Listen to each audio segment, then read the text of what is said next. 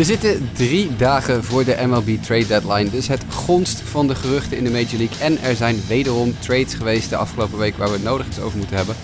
Daarbij nog veel meer nieuws en notes in deze nieuwe MLB-podcast van Sport Amerika. Welkom bij de nieuwste aflevering van Just a Bit Outside. Mijn naam is Jasper Roos. Ik zou vandaag met uh, Mike van Dijk en Jimmy Driessen uh, de honkbalweek van de afgelopen week doornemen. Helaas is Jimmy last minute gescratcht van de line-up en geveld met een, uh, een situatie waarin hij geen stem heeft. En dat is vrij lastig als je moet praten in een show. Dus vandaag weer een duo-show met de niemand minder dan Mike van Dijk. Hey Jasper. Hey Mike, nieuwe microfoon. Zeker, het klinkt iets anders hè? Het, het klinkt iets anders, het klinkt uh, nog beter dan je normaal klinkt, dus dat is, dat, uh, is fijn. Maar het, het, kan onze afwezigheid van onze JD, ja dat, dat, dat, blijft gewoon gevoelig verlies op dit moment. Hè? Day het blijft een gevoelig verlies, ja. Day to day, maar we hopen in ieder geval dat hij de volgende aflevering weer fit is. Hij, hij zei dat het slaapgebrek van de laatste weken hem iets opgebroken had, dus Jim, ga lekker naar bed man, ga lekker slapen. Maar wij gaan het over honkbal hebben vooral. Uh, in de tussentijd. Justin is inmiddels weer terug van vakantie, maar is nog te jetlaggy om aan te schuiven last minute. En Sander is nog op vakantie en uh, Lionel is druk. Hoewel deze week er wel een bonusshow met Lionel aan gaat komen trouwens voor de vaste luisteraars. Die zitten te wachten op de terugkeer van het orakel. Hou onze podcastfeed in de gaten. Wij gaan het nu vandaag hebben over ja, de dingen die de afgelopen week en vandaag ook nog allemaal in de Major League zich hebben afgespeeld. En dan beginnen wij zoals altijd met ons moment van de week. En jij hebt gekozen voor een moment dat vooral op Twitter heel veel tractie vond. Ja, ja, ja, vooral hè. Ja, het was uh, de wedstrijd tussen de New York Yankees en de Minnesota Twins, die eigenlijk een hele mooie en boeiende serie hebben gespeeld uh, de afgelopen week. En dat was die ene knotsgekke partij, extra innings, waarbij Aaron Hicks echt een, ja, een weergaloze vangbal maakte in het centerfield om de wedstrijd uh, te beëindigen. Ik heb er echt van, van genoten. En ik, ik vond het moeilijk kiezen deze week hoor, want ik heb echt zoveel mooie defensive plays voorbij zien komen. Maar dit was er voor mij toch wel degene qua momenten en dergelijke die er echt ja, bovenuit sprong. JP Crawford gezien afgelopen nacht? Uh, die heb ik dan die... denk ik nog net gemist. oh, nou ja, ik dacht, misschien heb je het daarover. Die moet je eventjes opzoeken straks. Dat is echt een play deep in de hole op korte stop en echt een bom van een aangooi op één. Echt een waanzinnige actie van JP Crawford. Maar goed, dat is een een ander verhaal. Inderdaad, uh, dat was een knettergekke wedstrijd. Ja, ik weet niet of dat nou specifiek reclame is voor het honkbal, maar oké, okay, dat is een ander punt. Nou ja, um, laten we wel wezen, dit seizoen, en we gaan het vandaag denk ik wel vaker over het aspect home runs hebben, maar ieder balpark kan course field zijn. Dat is een beetje uh, Ja, dat is waar. Ja. ja. nou ja, ik, uh, ik ben heel benieuwd wat er verder gaat gebeuren deze week. Ik kies als moment van de week voor die rare line-up switch van de Tampa Bay Rays, waar Alex Cora achteraf niet zo over te spreken was. Waar natuurlijk Kevin Cash kiest voor het, ja, het heen en weer schuiven van een, een werper naar het eerste honk en weer terug naar werper. Om op zo'n moment, dus ja, zijn linkshandige werper geloof ik dat het was, twee keer in één inning te kunnen gebruiken zonder hem tegen een right-handed hitter te moeten laten slaan. Nou was dat op zich niet zo'n probleem, want dat mag. Alleen er zat een probleem in de line-up constructie die volgde. En daar hebben de Red Sox protest over aangetekend, want die vonden dat niet helemaal duidelijk was. Uh, gecommuniceerd hoe dat allemaal werkte. En dat heeft natuurlijk alles weer te maken met het feit dat Angel Hernandez de homeplate, homeplate scheidsrechter was. En die is over het algemeen niet zo goed in dat soort dingen. Maar ik hou er altijd van. Ja, weet je, ja. ik hou er wel van, van dat soort originele dingetjes hier en daar. Dat je denkt van, nou ja, oké, okay, schuif eens een speler een beetje heen en weer en kijk eens wat er van gebeurt, zeg maar. Het klinkt een beetje, hoe zeg je dat, high school baseball? Ja, weet je, ja, je, je beste speler, of op dat moment de speler die je het beste acht voor de situatie, moet je natuurlijk niet na één slagman uit de wedstrijd halen als je hem eigenlijk zo meteen nog een keer wil gebruiken. Nee. Dus dan is dit wel een ideale oplossing. Even kijken, we gaan maar snel door, want we hebben nog een hele lap aan andere dingen. Winners en losers van deze week. Wie had jij uh, als winner aangewezen? Ja, Jimmy is er helaas niet om dit punt eigenlijk in te brengen. Maar wat mij betreft zijn de winners de trending dads holding a baby catches. We hadden de afgelopen week volgens mij twee. Uh, vorige week was het een zittende fan bij de Mariners, geloof ik, die in één keer met zijn baby in de linkerhand een bal met de rechterhand wist te vangen. En Pablo Sandoval hitte een home run tegen de San Diego Padres, een game, of het is, ja, het was een, een, extra innings volgens mij, de tiende inning. En die man ook, er stonden twee mensen echt heel erg met hun handschoen van, oh, ik heb die bal, ik heb die bal. En in één keer staat er met de blote hand een vader achter met een baby in de linkerarm. En hop, ook hij had hem. En er waren echt allerlei Giants-fans die daarna op Twitter uh, hun foto posten dat ze met deze vader op de, op de foto waren geweest die deze bal had gevangen. Ik vond het vrij uh, hilarisch, maar dit is toch echt wel een, een, ja, een, een, item aan het worden. Nou, het we een paar jaar lang heel veel bier, mensen met, met een ding bier in hun handen die een bal vangen, is het nu blijkbaar baby's. Nou, Precies, goed. ja. liever dat dan dat ze uh, dat kindje een bal op zijn sodomieten krijgt. Zoals van de week weer gebeurde in een stadion waar de netten nog niet doorgetrokken zijn. Yes, helaas was dat ook geval. Uh, ja. Bij uh, Cleveland was dat geloof ik, hè? Frankie ja. Lindor heeft daarna weer het een en ander gezegd... Waarom, dat hij niet begrijpt waarom er nog steeds geen netten zijn. Nee, nee. Maar goed, dat is een heel ander punt. Wie is jouw winnaar van deze week? Loser.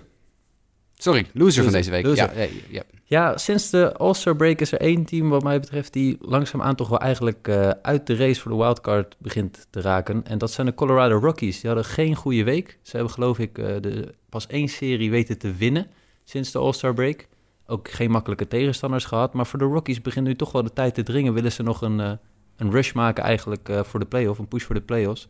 En je hoort ook totaal geen geruchten over, althans totaal geen uh, dat ze echt serieuze contenders en buyers gaan zijn.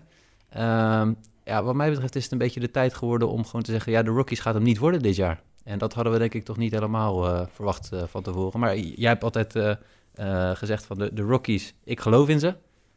hoe kijk jij hier tegenaan? Ja, ik vind het heel teleurstellend. Ik snap het ook niet zo goed. Ik denk dat er veel meer talent in dat team zit dan er, dan er dit jaar uitkomt. Het is inderdaad een echt een, een farce geworden de laatste paar weken al, sowieso. Wat daar allemaal gebeurt. Uh, nu gewoon dead last in die divisie. Uh, nou ja, goed, die divisie is... Uh, de, Dodgers kunnen nu hun hele triple-A-team opstellen... en ze winnen nog de divisie. Dus dat maakt niet meer uit als je naar die enorme voorsprong kijkt. Maar je zou toch kunnen zeggen dat met een beetje redelijke sprint... Colorado toch nog gewoon een paar plekken moet kunnen stijgen. Want het verschil is minimaal hoor. Het is een halve wedstrijd achter San Diego... vier wedstrijden achter San Francisco... en vier wedstrijden achter Arizona. Dus er is op zich geen man overboord voor ze. Maar het, het spel is nou ook niet dat je denkt... heel erg hoopgevend, zullen we dat zo noemen? Nou ja, precies. En het, het, het momentum weten ze ook echt niet echt te creëren. Hè? Zoals San Francisco dat nu in één keer wel heeft. Uh, miraculeus gezien. Uh, miraculeus genoeg. Maar het, ja, het lukt, ze krijgen het niet uh, draaiende, vind ik, in Colorado. Nee, heel, heel jammer. Het zit, ja, het zit hem ook wel gedeeltelijk weer in de pitching natuurlijk daar. Er zijn wel een paar jongens in Colorado die het aardig lopen te doen de laatste tijd. Ik geloof dat ook onze boy, net als Justin altijd en ik altijd fan van Ryan McMahon zijn. Die gaat wel weer aardig, geloof ik, de laatste tijd. Maar ja. Voor de rest is het uh, allemaal erg teleurstellend. Het is toch ja, ja, terechte loser, denk ik, in dit geval uh, van deze week. Uh, mijn winnaar, ja, ik heb een hele rij. Want ja, ik bedoel, moet toch iemand moet de plek van Jimmy ook vullen. Anders zijn we heel snel doorheen. Precies. Ik, ik heb drie winnaars. Paul Goldschmidt, zes wedstrijden op rij met een homerun. Nou, dat is netjes. Ja. Goldie is hard. Goldie is hard. En mijn fantasy team heeft daar ook zeker veel baat bij. Dat dacht ik al. ja, dat is een beetje laat, maar goed, beter laat dan nooit, zeg ik maar. Uh, verder, Robinson Cano met zijn eerste three home run game in zijn carrière. Nou, dat is ook wel opvallend. Ik had toch wel gedacht dat Cano dat dan een keer eerder zou gedaan hebben. Ja, zeker. Ja, dit, ja, serieus, dat dacht ik echt. Het, uh, het is niet drie home runs. Als je bij, bij pro, prolific power hitters, dan ben je toch bij Cano wel gewoon het goede adres. Maar oké, okay, blijkbaar niet. Dus dat is ook wel een winnaar. En natuurlijk Trey Turner die een cycle sloeg. dan heb je, ben je ook wel een redelijke winnaar. Twee keer tegen de Rockies ook in zijn carrière. Ja, op een of andere manier eh, ziet hij dat uh, allemaal wel, uh, wel, goed tegen die lui. dus dat zijn eigenlijk mijn drie winnaars van deze week. En dan is mijn loser is Keon Broxton, voor wie ik altijd een zwak heb. Want ik vond het gewoon, zeker in zijn eerste paar jaar, een heel fraaie, ja, fraaie outfielder met veel talent. Die nu voor, zijn, voor de vierde keer in zeven maanden een nieuw team, een nieuw uniform aan gaat trekken. Want hij begon dit jaar, het offseason eigenlijk, bij de Rockies, of bij de Brewers, toen naar de Mets, toen naar de Orioles. En hij is nu naar de Mariners vertrokken. Tja. Dus ja, deze arme jongen die heeft nu zijn vierde verschillende pakken aan dit jaar. Ja. Ik vind het jammer. Ja, nee, zeker een talentvolle speler. Weet je toevallig wat het record ook is uh, aan het aantal franchises in een jaar? Ik zou het namelijk echt serieus niet paraat hebben. Nee, maar het, het, zal wel iemand zijn zoals Octavio Dotel of Edwin Jackson of zo. Want die zijn, dat zijn die gasten die zo ongeveer ieder team in de majors versleten hebben. Ja. Want uh, volgens mij heeft Dotel heeft er geloof ik uh, 18 of zo gehad. En, en Edwin Jackson heeft ze nu bijna allemaal gehad, geloof ja. precies. Maar allemaal in één seizoen. Dat is toch wel ja, nee, dat, zeven dat maanden? Ja. Dat weet ik ook niet, nee. Het is wel veel. Maar ja, goed, blijkbaar zijn er dus steeds wel mensen die op een of andere manier gefascineerd zijn door het talent dat Keon Broxton heeft. Alleen als je natuurlijk el elkens maar een paar maanden ergens bent en je, bent, je krijgt niet echt de kans om te settelen, zeg maar. Ja, dan weet ik niet of het er ooit nog eens een keer uit gaat komen bij hem. Eigenlijk moet er gewoon een keer een team als nou ja, weet ik veel, de Marlins of zo. zo, zo of de, Orioles, ja, daar is hij dan al uitgeknikkerd. Dat was een mooie, mooie situatie geweest. Die moeten hem gewoon een lange periode geven om, om te bewijzen dat hij het kan.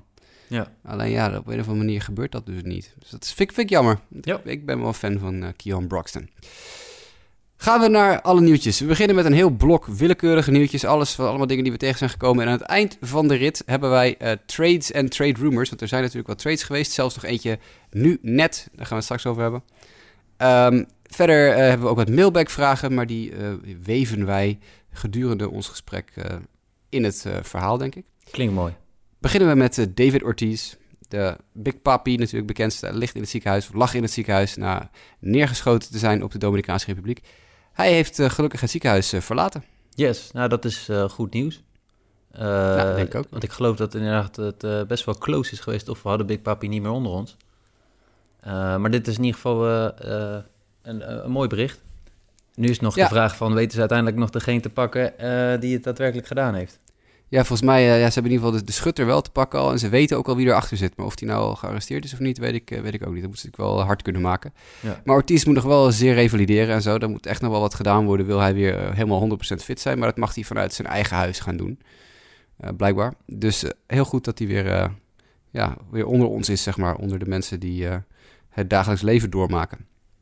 Ehm, ja, Ortiz is, is natuurlijk al een tijdje gestopt met honkballen. Maar we hebben nu weer een ex-topper die eigenlijk bij het, aan het rijtje gepensioneerden toegevoegd mag worden. Dat is uh, Troy Tulowitzki, die eindelijk besloten heeft om zijn cleats aan de wilgen te hangen eerder deze week. En dat is uh, denk ik geen seizoen te vroeg. Nee. nee, het is een wonder dat hij het zo lang heeft uitgehouden. Dat is eigenlijk vooral... Ja. Uh, het beste man is 34, maar ik denk dat als je de vraag gaat stellen, gaat hij de Hall of Fame halen? Dan is het ja vanwege de meeste blessures, zeg maar die die ooit heeft gehad, uh, of die een speler ooit heeft gehad in zijn carrière. Maar het was, hij had natuurlijk getekend op een, uh, op een minor league deal volgens mij bij de New York Yankees dit seizoen. Ja, en dat is eigenlijk weinig succesvol gebleken. dus ik denk dat het een goede beslissing is ook voor hemzelf om, om gewoon te zeggen van joh, hier blijft het voor mij bij. Het is wel echt heel zonde hè, natuurlijk, want dit is natuurlijk wel in zijn hoogtijdagen een van de beste spelers in de Major League. En dan heb ik het vooral over, ik denk dat we tussen 2009 en nou 2015 2015 of zo zal zijn. Ja, nou, maar het was gewoon de franchise cornerstone zeg maar, van de Colorado Rockies in die periode. Ja, eigenlijk al zijn Colorado-jaren. Hij is in 2006 als 21-jarige al in de league terechtgekomen. Finishte in 2007 tweede in de Rookie of the Year verkiezing. En ja, vanaf 2009 ging het helemaal los op zijn 24ste. Met uh, MVP-stemmen in 2009, 2010 en 2011. Twee All-Star Games, 2010 en 2011. Uh, twee Gold Gloves, twee Silver Sluggers. Dan heeft hij nog de All-Star Game gehaald in 2013 en 2014 en 2015. MVP-stemmen gekregen in 2013 en 2014.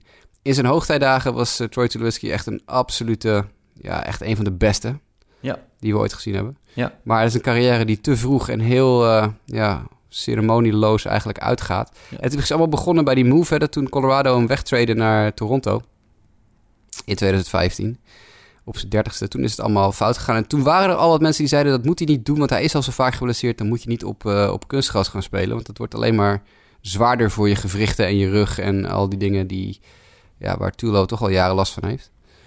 Dat is ook uiteindelijk wel gebleken, want die twee jaar in Toronto, of drie jaar in Toronto, was uh, ja, denk ik uh, nou, niet wat we ervan gehoopt hadden. Nee. nee, zeker niet. En ook dit jaar in New York. Ik bedoel, hij kwam, hij heeft geloof ik vijf wedstrijden gespeeld. Ja, dat zijn niet uh, het aantal wedstrijden wat je van Tulowitzki graag zou willen zien. Een fit Tulowitzki is gewoon een mooie toevoeging aan de line-up. En hij is één keer heel dichtbij ook nog een World Series win geweest. Ja, helaas nooit, uh, nooit gewonnen. Hij heeft eigenlijk heel relatief weinig hardware gewonnen. Hè, eigenlijk. Ik bedoel, met, naast die twee Gold Gloves en die twee uh, Silver Sluggers... is hij eigenlijk overal net naast gegrepen altijd. Tweede in de Rookie of the Year. Nooit buiten de, of binnen de top 5 in de MVP-votes ge, gekomen. Dus uh, teleurstellend, uh, jammer genoeg voor hem. Ja. Ik kwam wel een leuk statistiekje tegen. Dat is wel even leuk, uh, denk ik, over jou. mag je even raden. Moet ik even opzoeken. Dit is in een andere groep. Ja, oh ja. Tulo heeft zijn hele carrière korte stop gespeeld. Uitsluitend korte stop. Geen enkele andere positie. er zijn maar... Even checken. Zes andere spelers die 10.000 innings op korte stop hebben gespeeld... en nooit een andere positie hebben gespeeld. Weet jij de andere zes? Oeh. dan geef ik je, e-, eentje zal ik je al geven, want die is wat onbekender. Uh, dat is. Even kijken, uh, kom ik zo meteen op. Oké. Okay. Gaan we vast raden. Gaan we vast raden. Uh, nou, ik, ik, zou Derek Jeter zou er wel eentje zijn die ik ja, zo noemen. dat is inderdaad check. Dat Kijk, is goed. ik heb er wel eentje. Ik heb er eentje. Ehm overige korte stop. Ja, iemand als Ozzy Smith, was dat geen? Ja, dat is twee. Kijk, hier. Heel oh, on the streak. Ja, ja. ja heel Ehm, goed. Nu wordt, het, nu wordt het moeilijk. Ja, dat zeker. Even kijken. Wie, wat zijn echte Hall of Famers die nog verder de korte stop speelden? Kijk, Er is één, één Hall of Famer nog bij, een hele oude uit de jaren 60, 50. Oh, dat ga ik nooit raden. Die, die wordt wat moeilijker, ja. Dat ga ik nooit raden. Nee, ik. Eh, eh, eh, wat, wat hier nog bij twee. zit, eentje, eentje is nog actief. Dus je hebt Tulo, Smith en Jeter al. Eentje is op dit moment nog actief in de league als korte stop. Ehm, In de American League West. even denken, even denken, even denken. Oeh. Man. Speelt in Texas. Oh, Elvis Andrews? Elvis Andrews. Elvis ja, Andrews. Elvis Andrews is er ook eentje. Eh, dan hebben we nog eentje die een, nou ja, eh, kunnen we zeggen, relatief recente Rookie of the Year heeft gewonnen. Dat is Walt Weiss. Die geef ik je al even, want die had je waarschijnlijk nooit, Nooit geraden. Colorado Eh, Rocky toch ook, of niet?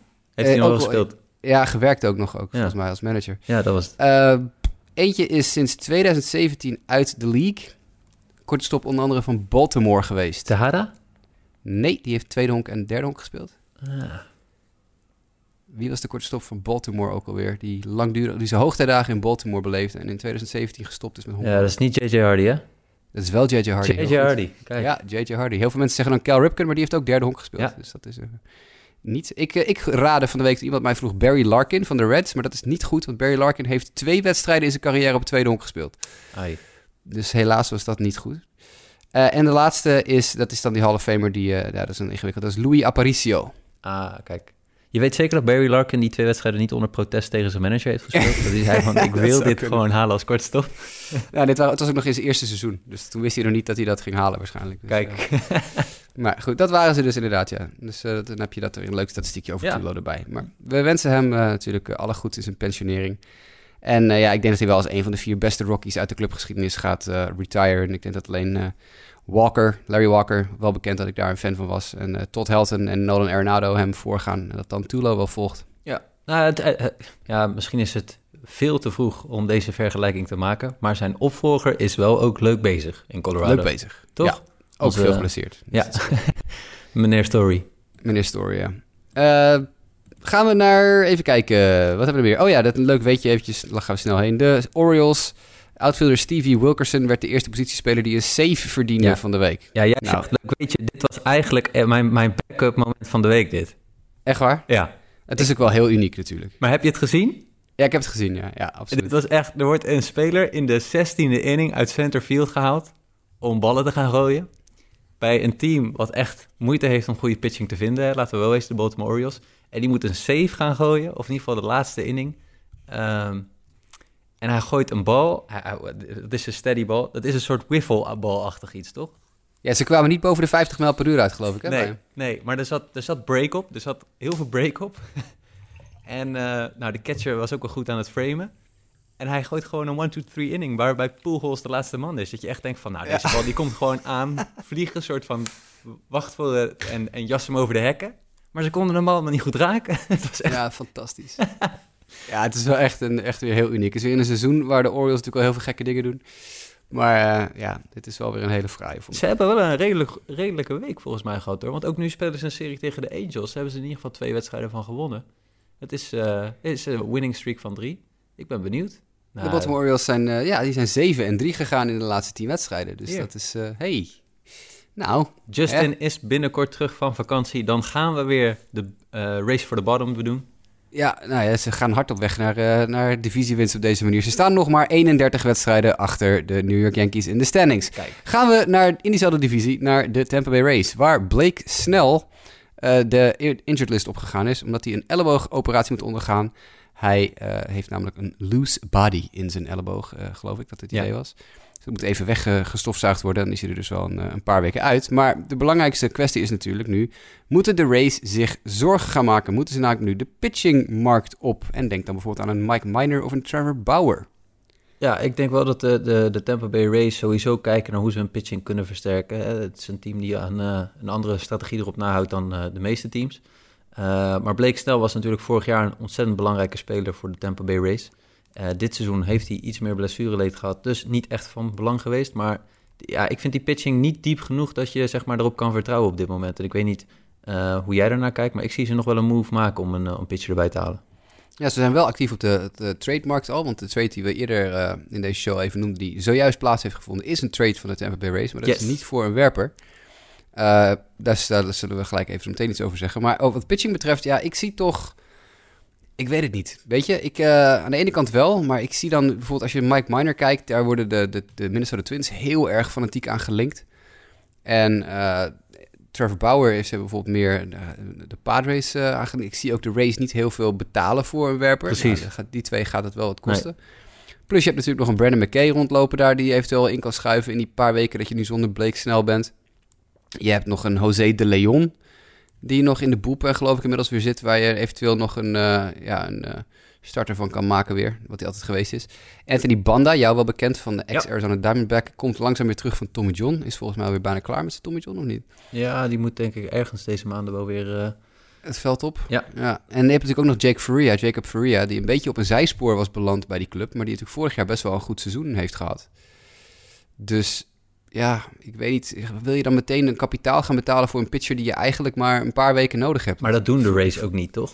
Precies, dat past niet bij die club. Dat is niet, uh, past niet binnen die filosofie van die club. Dus als ze een pitcher gaan halen, denk ik niet dat het een grote naam is. Het kan nee. best zijn dat ze, dat ze bijvoorbeeld een... Nou ja, we noemden hem vorige week al even voor de gein of twee weken geleden... Ivan Nova of zo.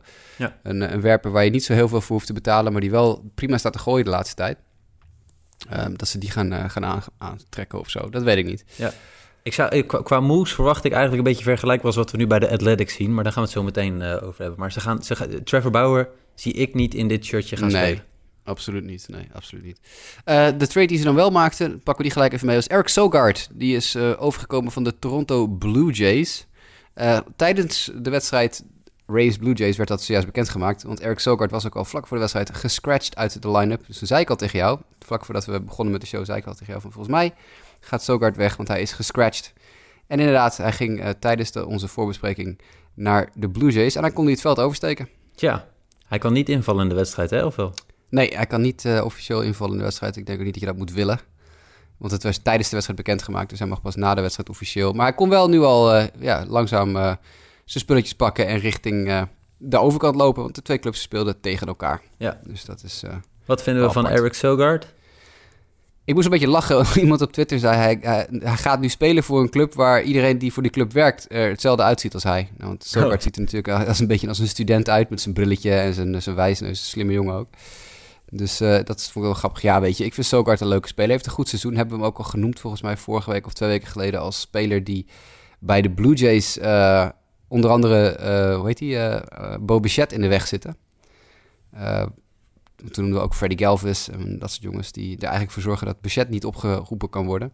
Nou, en nu is Sogard al weg, dus nu is het uh, Galvis, een kwestie van Galvis wegkrijgen en je kan uh, Bo Bichette oproepen bij Toronto. Dus, uh.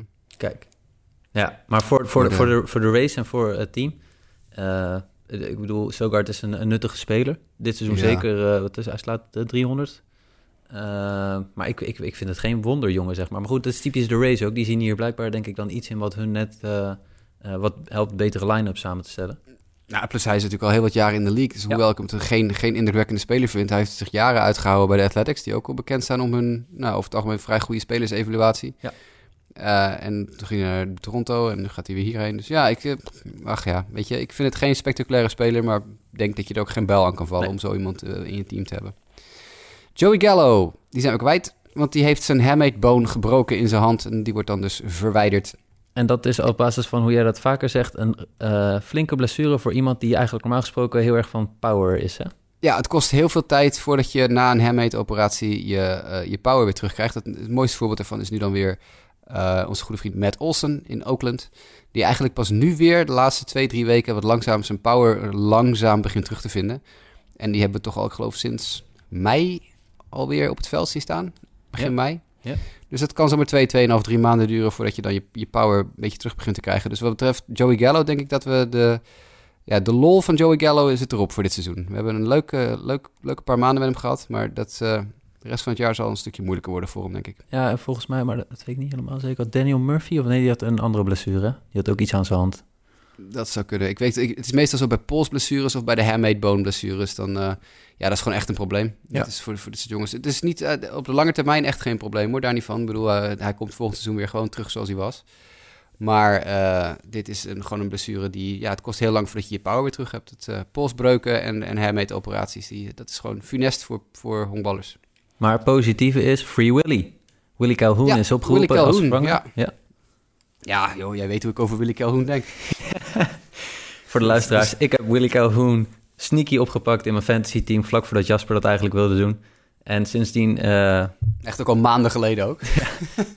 ja, en sindsdien... eh kijkt Jasper steeds jaloers naar mijn line-up. Nou ja, sterker nog, ik stuur je elke week eh, ongeveer een berichtje van... hey, hoe zit het met Willy Calhoun en Eloy Jimenez? Ik, ik wil wel, maar goed, ja. Het, het gebeurt nog niet. Nee, Ja. dat, zijn, dat zijn mijn zoons. Willy Calhoun is ook gewoon mijn zoon. Dat is, eh, weet je, dat is een jongen die ik daar, ja... Daar heb ik gewoon heel, word ik gewoon heel warm van binnen van. Al, al jaren, vanaf toen hij bij de Dodgers nog in de minor league zat. Echt een jongen van, ja, weet je... Geef hem, geef hem gewoon die at-bats, laat hem gewoon spelen... en die gozer die ramt er gewoon 40 per jaar uit. Ja, weet je, daar hou ik van. Dus meer, meer tijd voor Willy. Eh, even kijken, we gaan naar eh, Chicago en dan wel naar de Cubs, waar we een paar nieuwtjes hebben. En, en, en een mailbackvraag. Dus we gaan even een blokje Chicago Cubs doen, jongens. Dit wordt, eh, dit wordt, dit wordt prettig. Eh, te beginnen met Ben Zobrist, die blijkbaar eh, ja, weer hersteld is van al zijn scheidingsperikelen. Want hij is begonnen aan een rehab assignment. Hoe belangrijk is dit voor de Cubs? Ja. Nou, met de, de, vorm van Ben, Zo- ben Zobrist voorafgaand aan de blessure... weet ik niet of ze hier heel erg om staan te springen. Maar goed, ja, het, wellicht dat hij nog een rol van betekenis kan spelen. Kijk, Zobrist heeft nu echt al weken geen honkbal gespeeld eh, op eh, MLB-niveau. Dus die zal echt even tijd nodig hebben, denk ik, eh, in die rehab-stint om, eh, om weer fit te geraken. En dan is het hopen voor de Cubs dat hij nog een positieve rol en een bijdrage kan, kan leveren aan het team.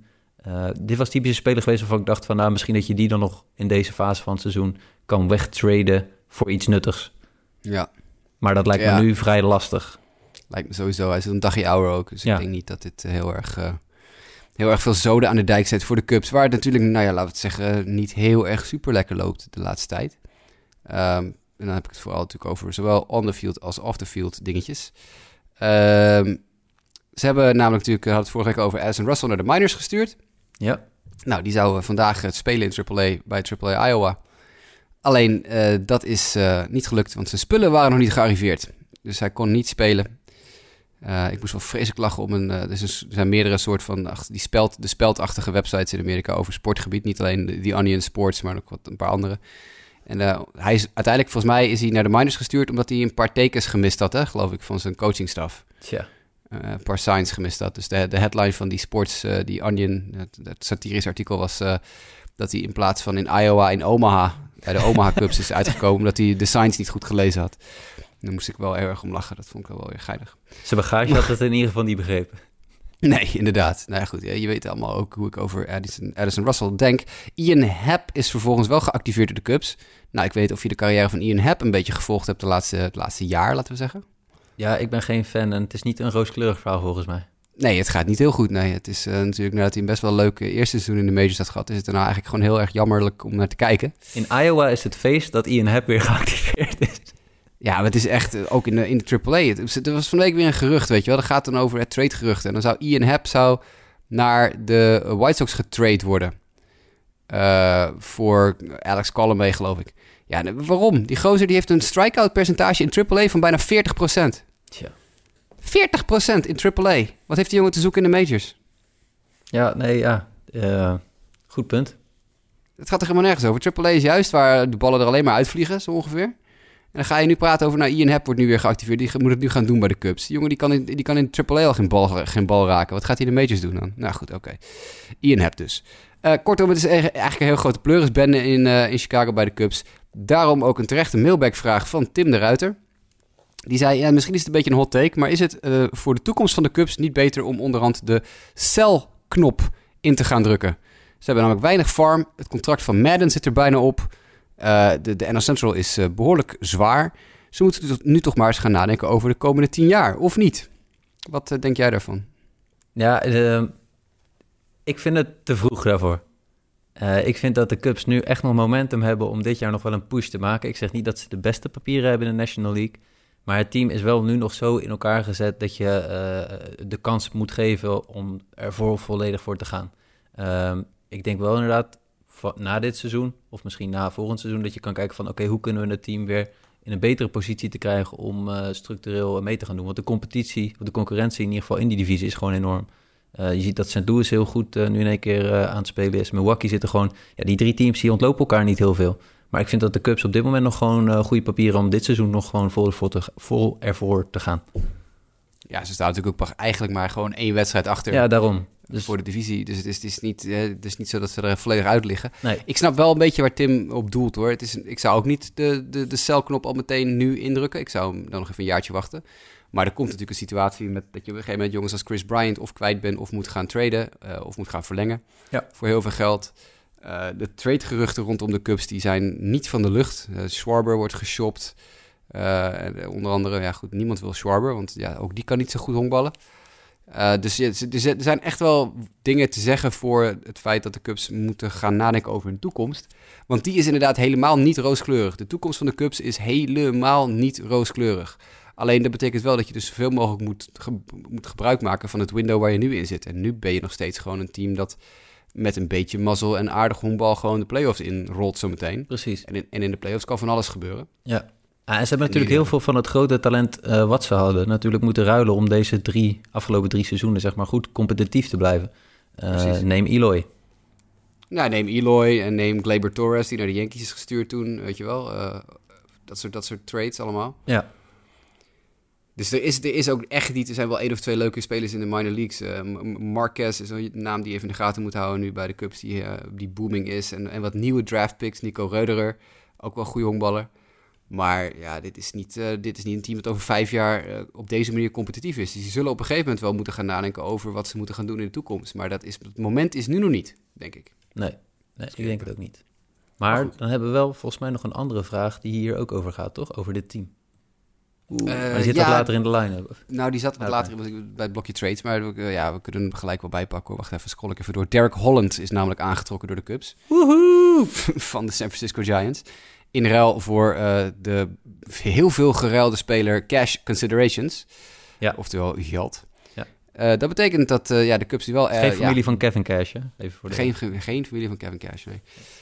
Derek Holland is waarschijnlijk niet een rotation piece voor de Cubs. Ik heb begrepen vanuit de media in Chicago dat hij waarschijnlijk een long relief rol gaat innemen in de bullpen en hier en daar een spot start kan maken als dat nodig is. Maar ja, hier word je er niet warm van. Nou ja, ik, uh, wat ik had gelezen, en daarvoor heb ik even de statistieken ook bekeken, is dat hij gewoon gehaald wordt als bullpen-optie specifiek voor linkshandigen. En uh, als je. Ja, nee, precies. Maar goed, als je zijn statistieken bekijkt tegen righties en lefties dit seizoen bij San Francisco, ja, dat is best wel een behoorlijk verschil. Ik bedoel, tegen rechtshandige slagmensen uh, heeft hij een, een ERA van 8,18 in 47 innings bij elkaar uh, geworpen. terwijl tegen linkshandige slagmensen heeft hij 21 innings geworpen en een 0,84 ERA, slechts uh, twee runs tegengekregen uh, en 18 strikeouts. Nou ja, met die statistieken heeft hij best wel laten zien dat hij su succes kan hebben tegen linkshandige slagmensen en kan hij in die rol van waarde zijn. Ja, maar... Maar als starter denk ik inderdaad dat het uh, de nee, nee, waiting to happen is misschien wel. Zelfs, zelfs als je het zijn rol als, als Loogie, uh, Loogie left-handed one-out guy, L-O-O-G-Y. Ja. zelfs als je daarnaar kijkt, er is al, eh, ik geloof in uh, half 2018 al een, uh, een artikel in, op de Ringer geweest. Waar ook gewoon simpelweg in stond. De, de Loogie zoals we het nu kennen is gewoon aan het uitsterven. Want je hebt steeds meer pitchers die gewoon... Anders krijg je de situatie als van de, week, bij de race... dat iemand dus eventjes verplaatst moet worden binnen een line-up... tijdens de inning om hem in het veld te houden. Er zijn voldoende werpers vaak in een bullpen om... ja, om, om niet specifiek een lefty specialist te hoeven zijn. Dus ik ben wel benieuwd of, dat daadwerkelijk, of hij daadwerkelijk als Louis gaat gebruikt worden. Dat is misschien wel het idee dat ze nu hebben, maar ik weet niet of dat uh, heel succesvol gaat blijken. Want dat kost je gewoon wel weer gewoon een extra pitcher die je gewoon verbrandt voor één nou ja, slagman. Zeg of, of, of, ze gaan één of twee tweaks doen dat ze hem gaan bouwen rondom, deze, rondom dit sterke punt wat hij blijkbaar heeft. Hè? Want uh, laten we wel wezen, als hij ietsje uh, dragelijker kan worden tegen rechtshandige slagmensen, dan heb je hier gewoon een, een, een reliever aan die een inning kan volhouden. Die, misschien, die inning moet dan wel misschien wat meer lefty-hitter-friendly zijn dan uh, righty. Maar uh, ja, het is, dat is de enige rol waarop ik denk dat hij van, eh, van waarde kan zijn voor de Cubs. Ja, nee, dat denk ik ook. Nou ja, goed. Ik denk in ieder geval niet dat het een heel erg... Uh, dat het een move is die nu de Cubs ineens favoriet maakt om de NL Central te winnen. Zeker niet. Dus dat is even iets anders. Maar goed, voor de diepte dan maar. En wie weet gaan de Cubs nog wel andere gekke dingen doen. Want dus ze worden nog altijd gekoppeld aan meer relief pitchers, meer starting pitchers. Dus we zullen zien wat de plannen in Chicago zijn. Grootste plannen in ieder geval in Los Angeles bij de LA Dodgers. Die gaan namelijk hun stadion renoveren. Het is het één na, één na oudste National League stadion. Is het, het stadion van de Dodgers. Het oudste staat natuurlijk in Chicago. dat is Wrigley Field.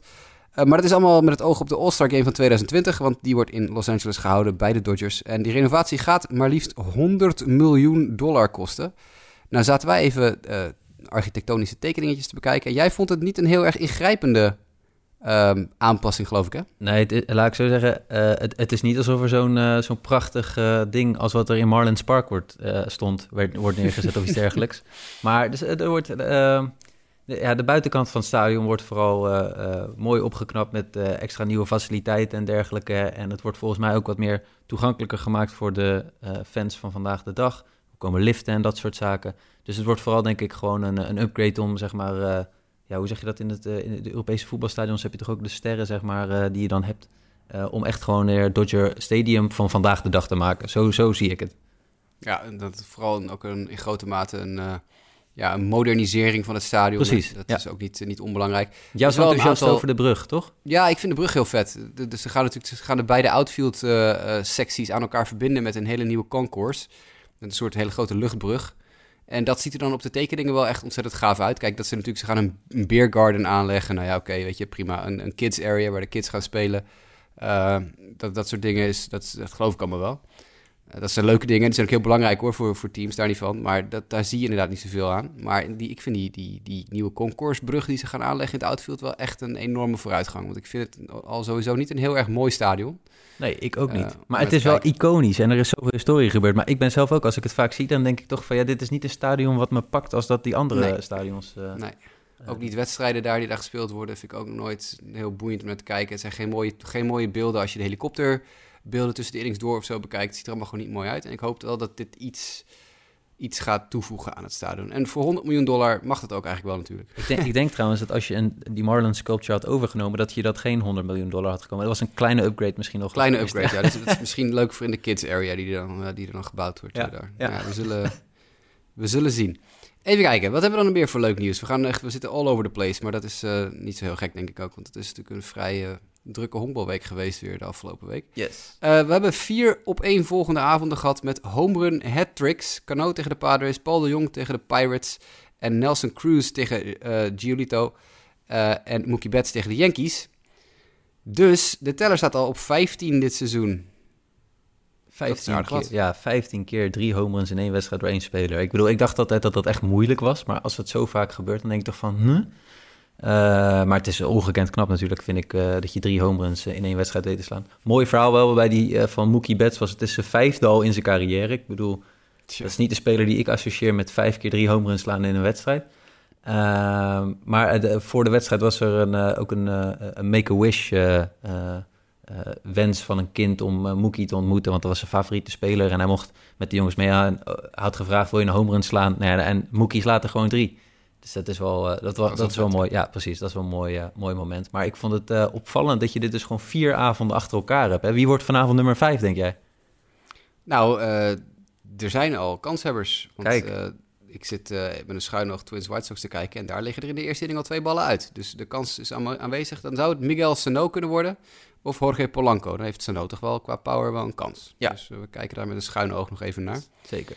Het is wel opvallend dat, dat het, het, aantal van 15 al het op twee na hoogste aller tijden is. Want in 2001 hebben ze er 22 gehaald.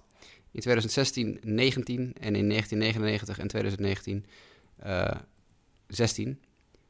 2019, dat klopt dus niet. Want dat, is dit seizoen. Dat is dit, oh ja, ja.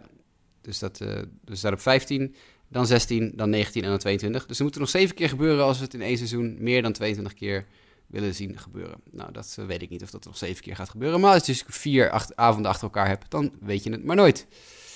De call-up van de week gaat, dat is ons laatste nieuwtje voordat we naar het uh, volledige trades en trade rumor blokje gaan. Um, de call van de week gaat uh, naar Dylan Tate, die opgeroepen is door de Orioles. Dylan Tate, ex-Haarlemse honkbalweek, was onderdeel van de gecombineerde no-hitter van Team USA een aantal jaar geleden. Waar ook Carson Fulmer toen gooide in die, in die gecombineerde no-hitter. heb jij Dylan Tate een beetje gevolgd? Nee, als ik eerlijk ben niet. Nee, nou, gedraft door de Yankees, geloof ik. Of in ieder geval een tijdje bij de Yankees gezeten. En dat is nooit wat geworden. En nu zit hij bij Baltimore. Nou ja. Okay. Heel veel succes, Dylan Tate. Ja, hij krijgt een vaste kans. ik, dat, dat hoop ik voor hem wel, ja. Ik, ik hoop uh, altijd voor dat soort jongens, uh, die ex-honkbalweek jongens, dat ze het goed doen. Maar uh, ja, het is niet een garantie voor succes, hebben nee. we al gezien. Dan ehm, gaan we naar trades en trade rumors. Doen we eerst de trades. Jake Diekman naar de Athletics van de Royals voor twee minor league spelers, namelijk pitcher Ismael Aquino en outfielder Dairon Blanco. Uh, goede move voor de A's?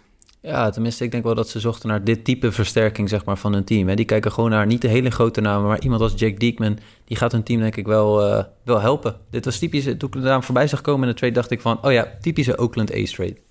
Ja, Diekman is natuurlijk al uh, een tijdje weer gerumoerd met heel veel... Uh, de, de, relief market is altijd wel aanwezig. En Diekman was wel een naam die op veel lijstjes schijnt te staan. Dit jaar niet heel supergoed. Een whip van 1,34, ERA van 4,75.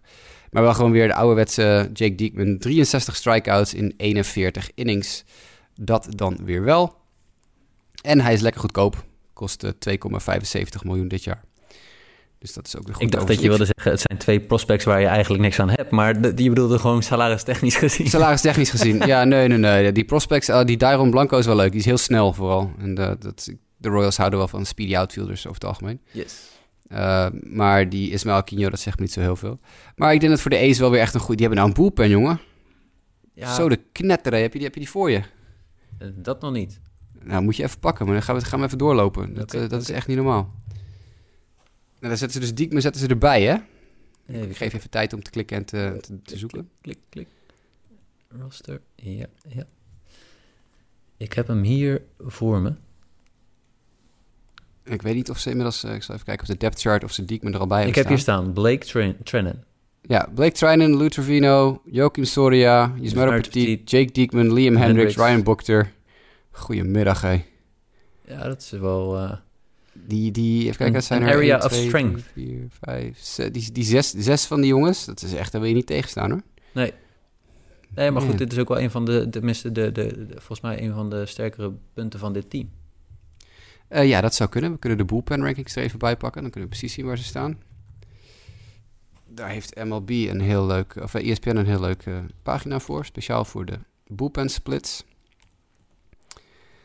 De bullpen splits. Uh, Oakland, achtste in de Major League.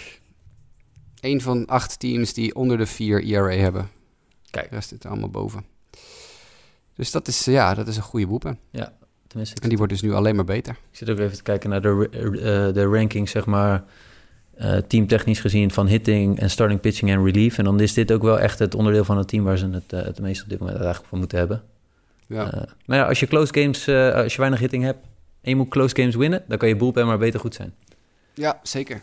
Zeker. En, denk je dat ze klaar zijn nu met deze? Nee, Eerst Homer Bailey, die wel heel goed was in zijn eerste wedstrijd trouwens.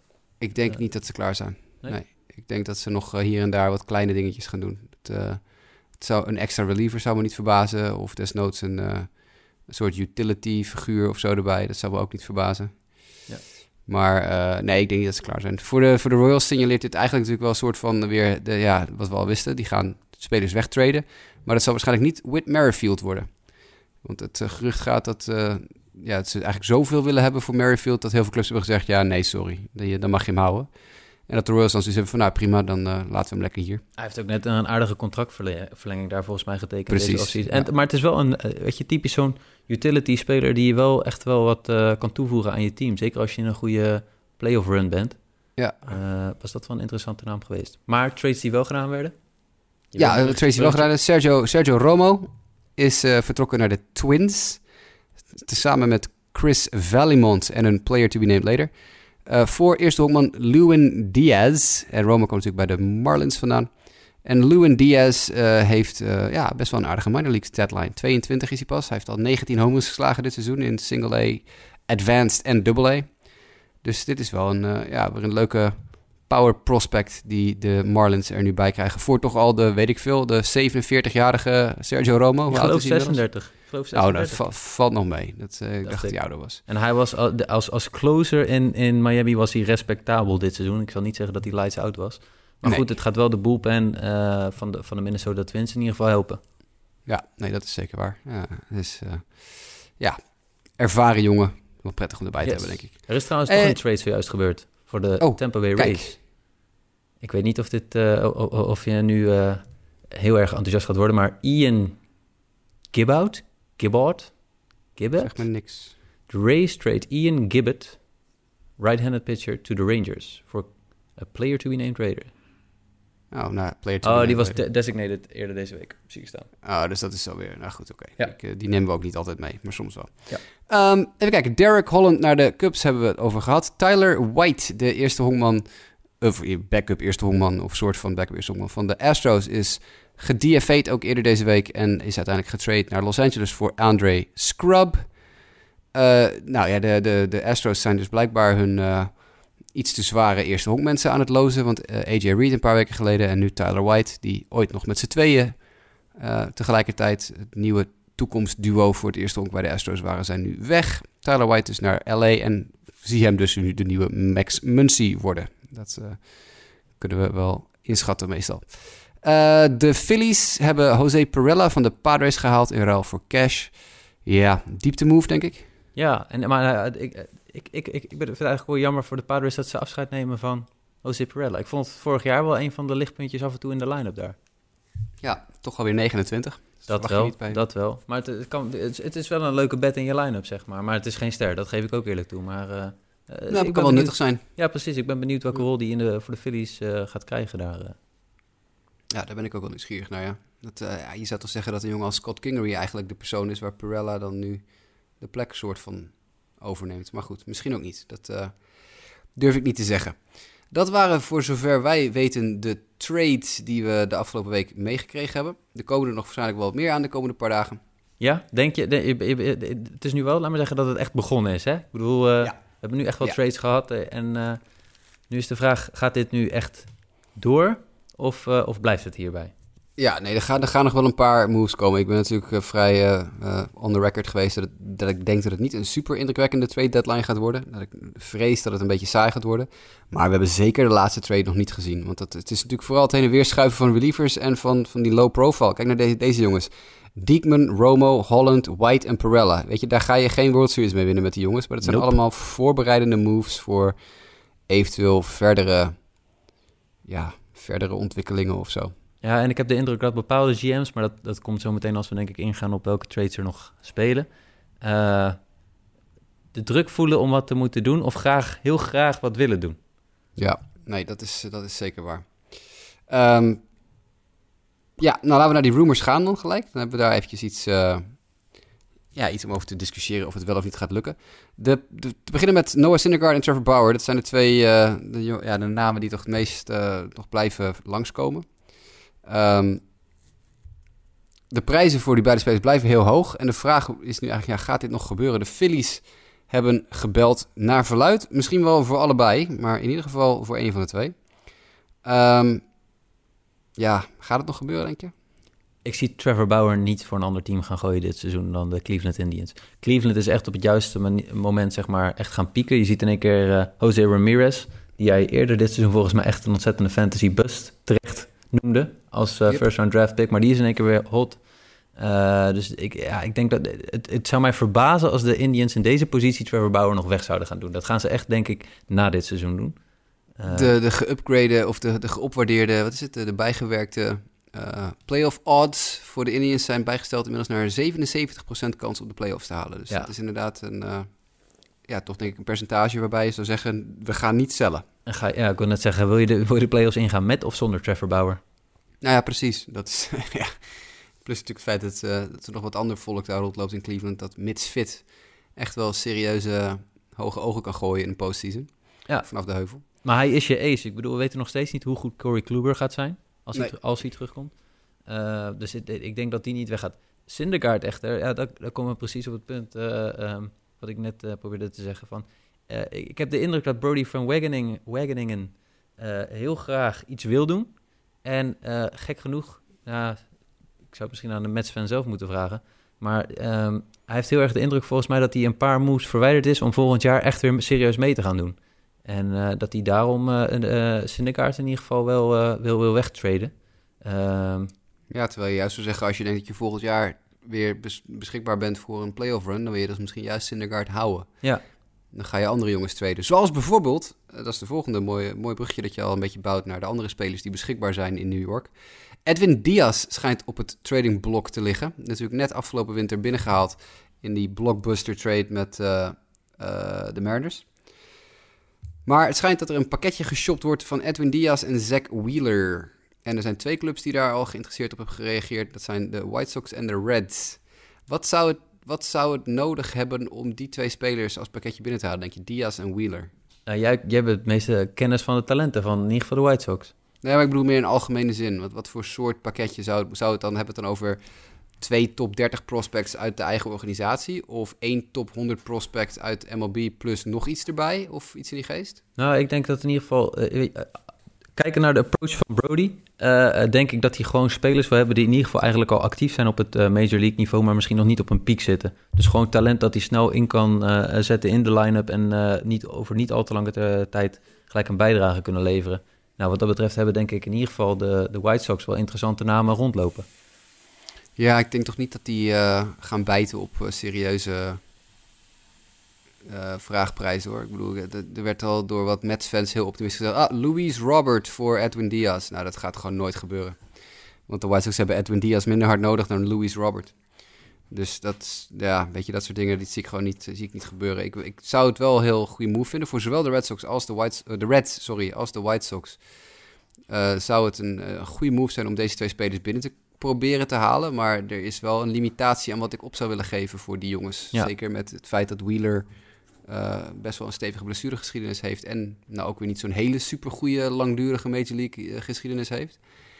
En ja, goed, Diaz is dan wel heel goed, maar ja, blijft gewoon een closer. En closers zijn de dime a dozen. Dus ja. dat is... Uh, ja, ik weet het niet. Ik, ik zou er inderdaad misschien één top 30 prospect uit mijn eigen organisatie en wat gruis bij willen gooien en dan allebei de contracten overnemen of zo. Als, ja. als aanbod. Dat ja. je het gewoon een financiële deal maakt, meer dan nog een, een prospect deal. Ja. Maar de Mets zullen dan waarschijnlijk wel weer zeggen... laat ons het geld maar opeten, we willen betere spelers of zo. Ja, dus, nee, ja, precies. Maar goed, wat dat betreft vind ik ook wel... Wat, neem de Syndergaard, laat hem nog een keer even vallen. Uh, ik had ook begrepen dat ze met de Padres gesproken hadden... om dan eventueel volgens mij Luis Urias ervoor terug te krijgen. Is dat, ja, is, dat, is, dat, is dat fair? Voor één van beide of voor Nee, allebei? voor alleen Syndergaard. Voor alleen Syndergaard? Nee, dat is nooit fair. Absoluut niet. Ja. Nee, dat, dan worden de, de Mets worden genept als ze dat doen. Ja. Luis Urias is wel een hele goede honkballer hoor, maar die heeft vooral in AAA het heel goed lopen doen tot nu toe. En heeft in de majors in die korte periode dat hij daar geweest is, nou niet bepaald heel veel indruk gemaakt. Neemt natuurlijk niet weg dat het geen talentvolle honkballer is, maar je gaat nu niet op dit moment een speler die nog zo jong is als Urias en zo niet bewezen in de majors en ook nog niet bewezen heeft dat hij het überhaupt kan in de majors, die ga je niet voor Noah's in de kaart uh, traden. Nee, dat is, dat is niet... Uh, ja, de Padres die zouden het natuurlijk wel doen, maar de Mets moeten dat absoluut niet doen. Nou, ik, ik, ik laat zeggen, ik, ik, ben benieuwd hoe het zich uh, de komende dagen verder gaat uitspelen. Want het, het, het, het verhaal is een beetje dat uh, Van Wageningen dus snel competitief wil zijn. Want volgens mij hebben ze denk ik ook volgend jaar weer Johannes misschien weer fit terug. Uh, alhoewel we weten nog steeds niet hoe het is met die breuk in die enkel. maar dat ze dus ook geïnteresseerd of zouden zijn in Marcus Stroman en Robbie Ray. En dat dus de trade van Syndergaard weg moet resulteren ook in dat iemand als Strowman of uh, uh, Robbie Ray naar de Mets zou komen. Ja, ik weet het niet. Ik, ik, zie dat niet als iets wat heel logisch is binnen de ik ook situatie niet. Ik ook de clubs nu zitten. Ik dus zeg alleen, uh, Mets being Mets, zeg maar. Ik, ik, ja. ik, dit is een van de teams die in ieder geval, er is veel interesse in hun spelers. ze verkennen breed hun opties. Ik ben benieuwd waar dit hun op 1 augustus gaat brengen. Ja, daar ben ik ook wel nieuwsgierig naar. Um, verder hebben wij een, uh, de volgende de, situatie is een mailback-vraag over binnengekomen van uh, op Twitter Mitrita. Die vraagt: Doen de Giants er goed aan een trade voor Bumgarner aan te gaan? Nou, dat is iets wat we natuurlijk al een paar keer besproken hebben in de laatste paar weken. Maar uh, er is nu wat meer nieuws bijgekomen uit San Francisco. Namelijk dat de Giants ogenschijnlijk Bumgarner gaan houden. Als een contract verlengen of gaan houden deze trade deadline? Nee, sowieso deze trade deadline. En dat er mogelijk gesproken wordt over een, eh, een contractverlenging. eh, naarmate het jaar of het offseason zou vorderen. Maar dat ze in ieder geval gedurende deze trade deadline gaan houden. Natuurlijk, we hebben het allemaal uitgebreid besproken. De Giants hebben een ongelofelijke streak, maken ze door. En staan feitelijk gezien, eh, ja, nou ja, ik wil niet zeggen op een playoff plek. Maar het is ook geen onmogelijke situatie waarin ze nu zitten. Om uiteindelijk nog ja, iets, iets, iets uit dat, dat seizoen te kunnen halen. Dus als je natuurlijk nu Baumgartner eh, laat vertrekken, dan geef je denk ik een signaal af aan je team van we geloven er eigenlijk helemaal niet in wat jullie lopen te doen. En dat wil je natuurlijk ook niet. En er zijn vanuit de beat reporters eh, ook geluiden gekomen dat er een revolutie zou uitbreken. Eh, anarchie zou ontstaan binnen de organisatie, zeker binnen het team, als de Giants ervoor zouden kiezen Baumgartner weg te sturen. Wat zou jij doen? Ja, weet je, ik, ben dat, ik heb dat al eerder gezegd. Ik denk niet dat Baumgartner heel veel op gaat leveren op dit moment. Nee. Dus ik, ik zou hem houden. Ja, maar dan houd je hem vanwege die reden? Of houd je hem vanwege de reden dat de Giants een serieuze kans hebben om de playoffs te maken en met een Baumgartner hun beste pitcher is? Nou kijk, ik geloof niet in wat de Giants lopen te doen. Dat heb ik vorige week ook gezegd. Ik, ik denk dat dit op een gegeven moment gewoon weer instort. Dit, is, dit zijn de stuiptrekkingen van een, van een stervend beest, wijze van spreken. Eh, maar ja, puntje bij paaltje sta je maar 2,5 wedstrijd uit de wildcard. Miraculeus genoeg. Ja, Ja, ik het ook nog steeds. Afgelopen week ook hoor. Ze winnen allerlei wedstrijden met één run. En dan denk je toch van ja, maar ze winnen hem wel. Ze winnen Ja. hem wel. En, die, en die, dat run differential blijft maar gewoon op min 46 staan. Ja. Dus dat, daar gebeurt ook niet zo heel veel mee. Ik ben toch even nieuwsgierig, dat ga ik even opzoeken, wat de eh, Giants Pythagoreaanse record zou moeten zijn dit jaar. Expected win-loss zou staan expected op win-loss. 48, 57. Ja, dus ze staan dus op 53, 52 in het echte leven. Ja, en hun Pythagoreaans is 48, 57. Ze staan dus gewoon vijf wedstrijden beter te spelen dan ze verwacht worden om te spelen. Ja. Vegas heeft een playoff odds op 10% om het postseason te halen. Ja, weet je, dat zegt al genoeg. Ik denk niet dat ze het gaan halen, maar ja, je wil natuurlijk naar je spelers ook geen signaal afgeven van... Nou, we gooien nu de handdoek in de ring, 2,5 wedstrijd uit de wildcard, zeg maar. Nee. Maar ik heb gewoon, weet je, zeker als je, zoals het er nu bij staat, de wildcard gaat niet naar de NL West komen. Nee. Put it on record, laat maar zeggen. Ik bedoel, kijk naar de Central. De drie teams die daar eh, bovenaan staan, hebben in mijn beleving allemaal een beter team dan de San Francisco Giants. Eh, Washington is in één keer eh, best wel redelijk aan het honkballen. Ja, en Philadelphia blijft ook veel talent beschikken. Ehm, die teams zijn in mijn beleving allemaal beter dan Arizona, San Francisco, San Diego, Colorado. Ja, Cubs, Nationals, Brewers, Phillies, dat zijn de vier waar op dit moment de strijd voor mij tussen gaat. Ja. En dan komt Arizona en San Francisco komen daar op een relatieve handbereik achteraan. Maar inderdaad, je hebt helemaal gelijk. Ik denk dat dat niet gaat lukken. Maar ja, nogmaals, het heeft allemaal met het signaal te maken. Dus nee, ik zou, ik zou hem ook niet traden puur vanwege het feit dat je natuurlijk geen gedonder binnen je organisatie wil hebben. Plus, die jongen heeft zijn hele carrière daar gespeeld. En je gaat er toch niet zo heel veel voor krijgen nu. Nee, precies. Eh, dus nee, ik denk dat de Giants eigenlijk een beetje in een onmogelijke situatie zijn. Als ze gewoon eh 48, 57 staan en een klereneind onderaan of zo. Want dan zouden ze dus, eh, even kijken, ook nog de Mets, San Diego en Colorado voor zich hebben. Als ze dus hun Pythagoreaanse record hebben. Dan ben je dus volledig kansloos. En dan sta je bijna negen wedstrijden uit de wildcard. Dan kan je het nog een keer verkopen van oké, we gaan hem hard shoppen. En, eh, en we halen er nog wat leuke prospects uit.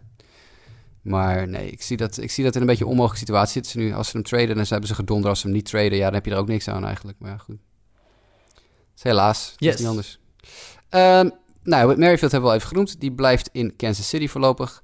Zoals het eruit ziet. Eh, de Cubs hebben interesse in, staat nog op mijn lijstje, in, Eric Sogard en Nicholas Castellanos. Nou, Eric Sogard is dus inmiddels vertrokken naar Tampa Bay. Maar dan blijft nog over de interesse van de Cubs in Nick Castellanos. Zou dat een versterking voor de Cubs zijn?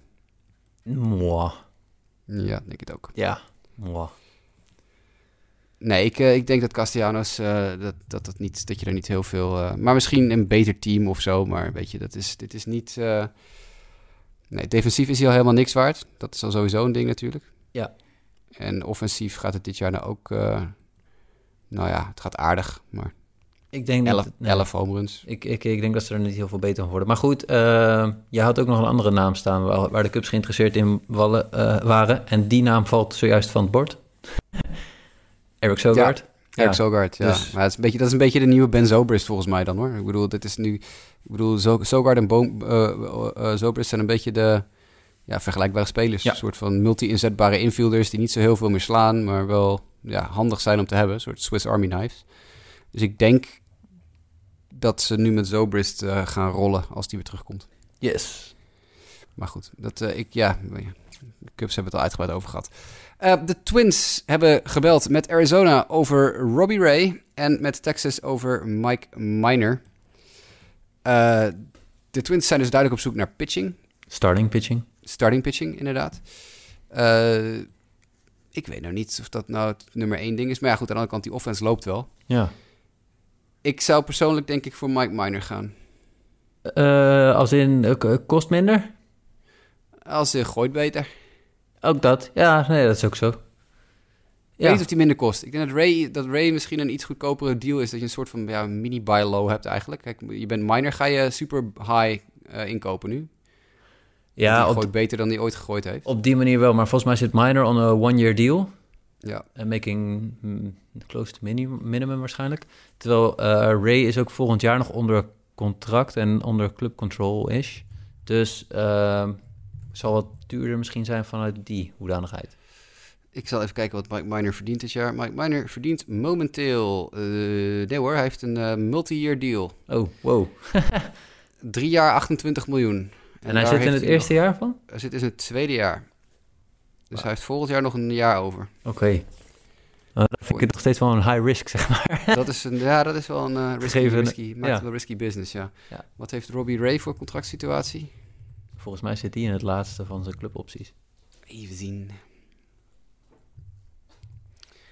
Het zou opvallend zijn. Ik had al gedacht dat ze die al een contract hadden aangeboden, maar Ah, ah. blijkbaar niet. Even kijken. Contract status. Eh, ja, het arbitration eligible. 6 miljoen dit jaar. Hier. Kijk. Ja, is ongeveer, ja, is iets, dan verdient eh eh, minor ietsje meer, maar niet, niet heel veel. Nee. Nou, ik weet niet. Ik zou denk ik voor, voor minor gaan, maar ja, die kost je gewoon iets meer. Ja. Denk ik. Dat denk ik ook. Maar we gaan het, eh, we gaan het zien. Ik ben inderdaad benieuwd welke, welke versterking de Twins wat dat betreft eh, gaan halen. Wat betreft Arizona, die schijnen volgens de geruchten eh, flink de, de sell button aan het indrukken zijn. Ja. Eh, Jared Dyson schijnt veel interesse voor te zijn. Ehm, ook in Robbie Ray onder andere, maar andere namen die flink geshopt worden zijn. Adam En, Jones, Granky? Granky onder andere ook. Dus ik ben benieuwd eh, hoe het roster er daarvan eh, de komende dagen compleet uitgepakt gaat worden of niet. Eh, David Peralta is ook nog iemand die... Die, ja, die zie ik nog wel wat opleveren. Ja? Eh, Zelfs met die Ja. kapotte schouder, zeg maar een beetje? Ja. Ik denk het wel. Oké, en dan hebben ze nog Greg Holland, die zojuist uit de closer role is weggevallen. Die gaat denk ik niet zoveel meer opleveren. Maar goed, je weet nooit. Nee, nou ja, ja, alles shoppen wat je shoppen kan natuurlijk. Ja, Zou Ja. ik doen. Ja. Eh, Stroman, Marcus Stroman, de wekelijkse Marcus Stroman update. Er gaan nu al geruchten in Amerika dat hij zijn laatste start voor de Blue Jays gemaakt heeft van de week. Eh, want de Braves zijn heel fanatiek Stroman aan het scouten geweest. En natuurlijk de link met GM Alex Antopoulos, die bij de Blue Jays gezeten heeft jarenlang. Nu bij de Braves is een eh, vrij aanwezige. Maar het belangrijkste is natuurlijk aan eerste instantie... wat gaat dit opleveren voor de Braves als ze hem inderdaad halen? Maar wat, wat gaat dit ook eh, opleveren voor die jonge pitchers... die nu bij Atlanta een beetje proberen aan te haken... en het misschien net niet halen? Want die stal vol met jonge pitcherstalenten die daar rondloopt... is, is groot. Ja, maar tegelijkertijd, eh, weet je, ze staan bovenaan in de divisie. Ze hebben echt redelijk goede papieren gewoon voor de playoffs. Dan is een naam als Marcus Stroman wel echt een hele fijne versterking.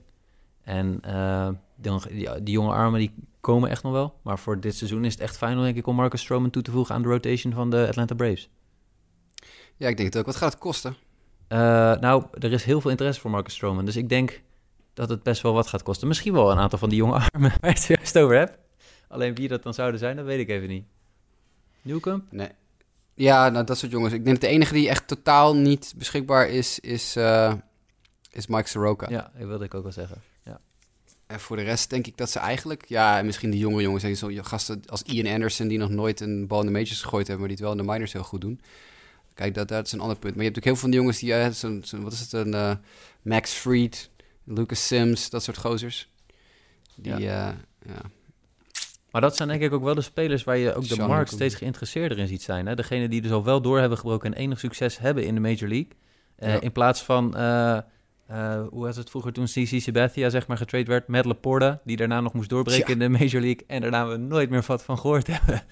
ja, één goed seizoen gehad en daarna was het niks meer, nee. ja, Nee, inderdaad. Ehm, Ik weet het niet. Ik, ik denk dat het voor Atlanta op zich wel een goede move zou zijn, Stroman. Ze hebben wel wat competitie inderdaad. Er is wel wat, eh, wat interesse in hem. Strowman is in ieder geval geen Blue Jay op 1 augustus. Ik ga er eigenlijk niet vanuit. Dan, he- dan heeft Toronto het gewoon niet goed aangepakt. Als dat het geval is. Dat, eh, daar kan je nu, in zijn beste seizoen in jaren, kan je echt daar heel veel vervangen. We doen wat bold uitspraken deze aflevering, hè, maar dat is de Nou, dat bedoeling. moet af en Ja. toe ook wel gewoon kunnen. Ja, dat vind ik ook wel. Ehm, voordat we eh, een einde maken aan deze uitzending, want dit was eigenlijk ons laatste trade rumortje, had ik nog wel even een mailback vraag. En die sluit mooi aan bij dit verhaal over de Braves. Want eh, op Twitter, ja, dit is dan of Bad Hagenees of Bad Hagenees. Ik, een van de twee. Ik weet niet zo goed eh, welke van de twee het is. Maar in ieder geval, eh, deze Hagenees vraagt aan ons. Er zijn twee blessures bij de Braves op dit moment die van enigszins van belang zijn. Markakis en Swanson. Getuigen hun eh, 12-7 winst tegen de Phillies lijkt er sportief niet zoveel aan de hand. Maar de vervangers waren wel potentiële trade-pionnen. Wat is de impact van de blessures voor Markakis en Swanson? Mooie vraag. Ja, ik denk, eh, het is, ik moet even eerst even de blessure zwaarte. Volgens mij viel die bij Swanson mee. Ja, volgens mij ook. Ja. Eh, en gegeven hoe hij speelt dit seizoen, is dat gunstig. Want eh, Swanson is best wel een belangrijke speler in de, in de line-up van de, van de Braves. Ik weet eventjes. Ja, hij heeft een voetkneuzing. Ja, en en, maar heeft gebroken pols. Precies, dat was serieus. Hè? Dus die zijn ze gewoon echt kwijt.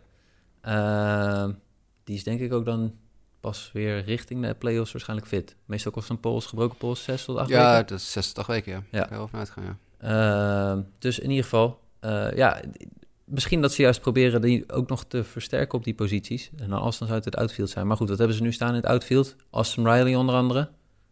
En, en Ciarte en Acuna. Ja. Ja, dat kan, zeg maar. Dan mis je maar... Ja, Malik Marquez is niet enthousiast van wordt eh, doorgaans. Nee, nee, absoluut niet. Ik zit even snel te kijken naar die blessure traject, traject inderdaad. Zes tot acht weken voor Markakis en Swanson zou al volgend weekend weer terug kunnen keren. Hebben ze Ja. het over. Ja, dus, dat, Uiterlijk. dus daar... Dan, daar dan, dan, is hij, dan mag hij terugkeren. Dan heeft hij zijn tien dagen op de IL erop zitten. Eh, dus eh, de Snitker, de manager, zei dat hij optimistisch is dat eh, Swanson in ieder geval weer gelijk terugkeert wanneer het mag. Dus dat is, ja, ik verwacht niet dat het een heel grote impact gaat hebben. nee, Ik ben gewoon ook geen Markakis fan. Ik weet wel dat hij wel weer aardig deed. Of in ieder geval dat hij eh, alle wedstrijden gespeeld heeft dit seizoen voor eh, Atlanta. Dus zie jij David Peralta daar nu heen gaan? nee. Nee, oké. Nee, gewoon even de typische outfieldernaam die... eh, Nee, want ze hebben, ze hebben Adam Duval weer opgeroepen van Triple A Gwinnett. En ja, weet je, ik vind, ja, ik vind Peralta wel een leuke speler dat betreft. Maar ik denk niet dat de Braves zo noodzaak voelen om te gaan halen. Als je ook nog natuurlijk, wat je net al zegt, een Acuna hebt. Je hebt een, nog een Adam Duval die ze nu opgeroepen hebben. En een Inciarte. Eh er zijn nog drie andere outfielders op dat roster natuurlijk. In Charlie Culberson, Matt Joyce en Austin Riley. Dus ze hebben outfielders genoeg. Ja. Dus ik denk niet, ja. En Toeval? Ja, dat is gewoon een redelijke speler, hè? Ik bedoel, Ja, Duval, naar ja, de dat is ook niet minors. speciaal. Ja. Ik zou het wel weten als ik gewoon Austin Riley daar gewoon een paar keer neer kan zetten af en toe. Dat is, dat is natuurlijk ook geen probleem. Precies. En Matt Joyce, ja goed, is ook best wel nog een professionele slagman. Ja, de laatste jaren wel echt minder, hoor, vind ik. Echt minder, ja. Maar goed, hij kan nog steeds wel slaan. Ja, dat wel. Ik vind, ik, ik vind Charlie Culberson iets minder een outfielder. Vind ik meer een infielder. Maar dat, ja, in theorie is dat ook een outfielder natuurlijk. Maar, Ja. Eh, ja, dus ik denk niet dat het een heel grote impact gaat hebben voor de Braves, als ik heel eerlijk ben. Ik denk dat ze inderdaad meer achter pitching aan zitten nu dan eh, achter veldspelers. Other needs. Dat was hem, Mike. Yes, Volgens mij hebben we alles weer gehad. zeker. Tenminste, En, eh, zoveel als dat er nu zojuist gebeurd is. We hebben geen nieuwe trades meer gehad tijdens de aflevering. Nee, ik heb eh, Twitter net nog even zitten verversen. Er is nog geen, eh, geen nieuws. Maar ja, mocht, mocht dat er zijn, dan komen we zeker tussentijds even bij jullie terug. Zoals ik al zei, er komt een bonus-episode aan, als alles goed gaat, met Lionel. Waarin we het vooral over internationaal honkbal gaan hebben. Baseball over de grenzen. Het zeer populaire segmentje dat met het verdwijnen van Lionel uit deze show als regular ook een beetje naar de achtergrond is verdwenen. Maar we hebben weer zoveel informatie weten te verzamelen dat Lionel eh, gezegd heeft van nou, het is hoog tijd dat ik dat weer een keer kom vertellen. Eh, dus dat gaan we van de week ook nog doen. Er komt natuurlijk hopelijk ook nog een trade deadline eh, update show. De trade deadline is de 31ste. Eh, dat is woensdag, zeg ik uit mijn hoofd, klopt dat? Ja, Yes. woensdag. Dus wie weet, woensdag of donderdag gooien we nog even een trade deadline update, update showtje uit. Want daarna ga ik eventjes een twee weken op vakantie. Dus dan wordt het weer even wat lastiger om shows te plannen. Dus daar gaan we even over nadenken hoe we dat gaan doen. Ehm, voor nu denk ik dat we inderdaad alles wel weer gehad hebben. Yes. Thanks, Mike. Jij ook? Het was weer gezellig. Yes. En wij spreken elkaar in de loop van deze week vast alweer een keer. Uh, luisteraars, mochten jullie in contact willen komen met de show, er wordt gelukkig veel gereageerd op Twitter als wij een oproepje doen voor mailbackvragen. Dan zijn jullie allemaal daar heel erg plezierig uh, met het aansturen van vragen. Maar het kan natuurlijk ook naar justabitpodcast.gmail.com, naar jwkev, mdijk90, jasperoos, Jimmy Driesen, sportamerika op Twitter. Facebook.com slash sportamerika, Instagram.com slash sportamerika NL. We staan ook op Spotify waar je de show kan luisteren, dan weet je dat ook alvast. Uh, stuur ons dingen toe, vinden we heel erg leuk. Ik krijg ook wel eens via Twitter van luisteraars fotootjes als ze zelf in het stadion ergens zitten. Uh, Jan-Willem Boot onder andere van de week nog heb ik gezien. Vind ik leuk. Doe dat vooral. En de Justin uh, Kevenaar stuurt ook af en toe wat, dat soort ja. Ja, Justin Kevenaar, dat, dat houdt niet op man. Die, die blijft maar sturen. Zit hij weer bij Dylan Cease en zo? Heeft hij weer een vuurwerkshowtje gezien uh, van de week. Hij heeft er wel twee of drie gezien deze, deze ronde. Maar goed, hij is weer thuis. Dus uh, misschien volgende keer wel weer Justin Kevenaar in de house. Voor nu heel erg bedankt voor het luisteren en graag tot de volgende keer.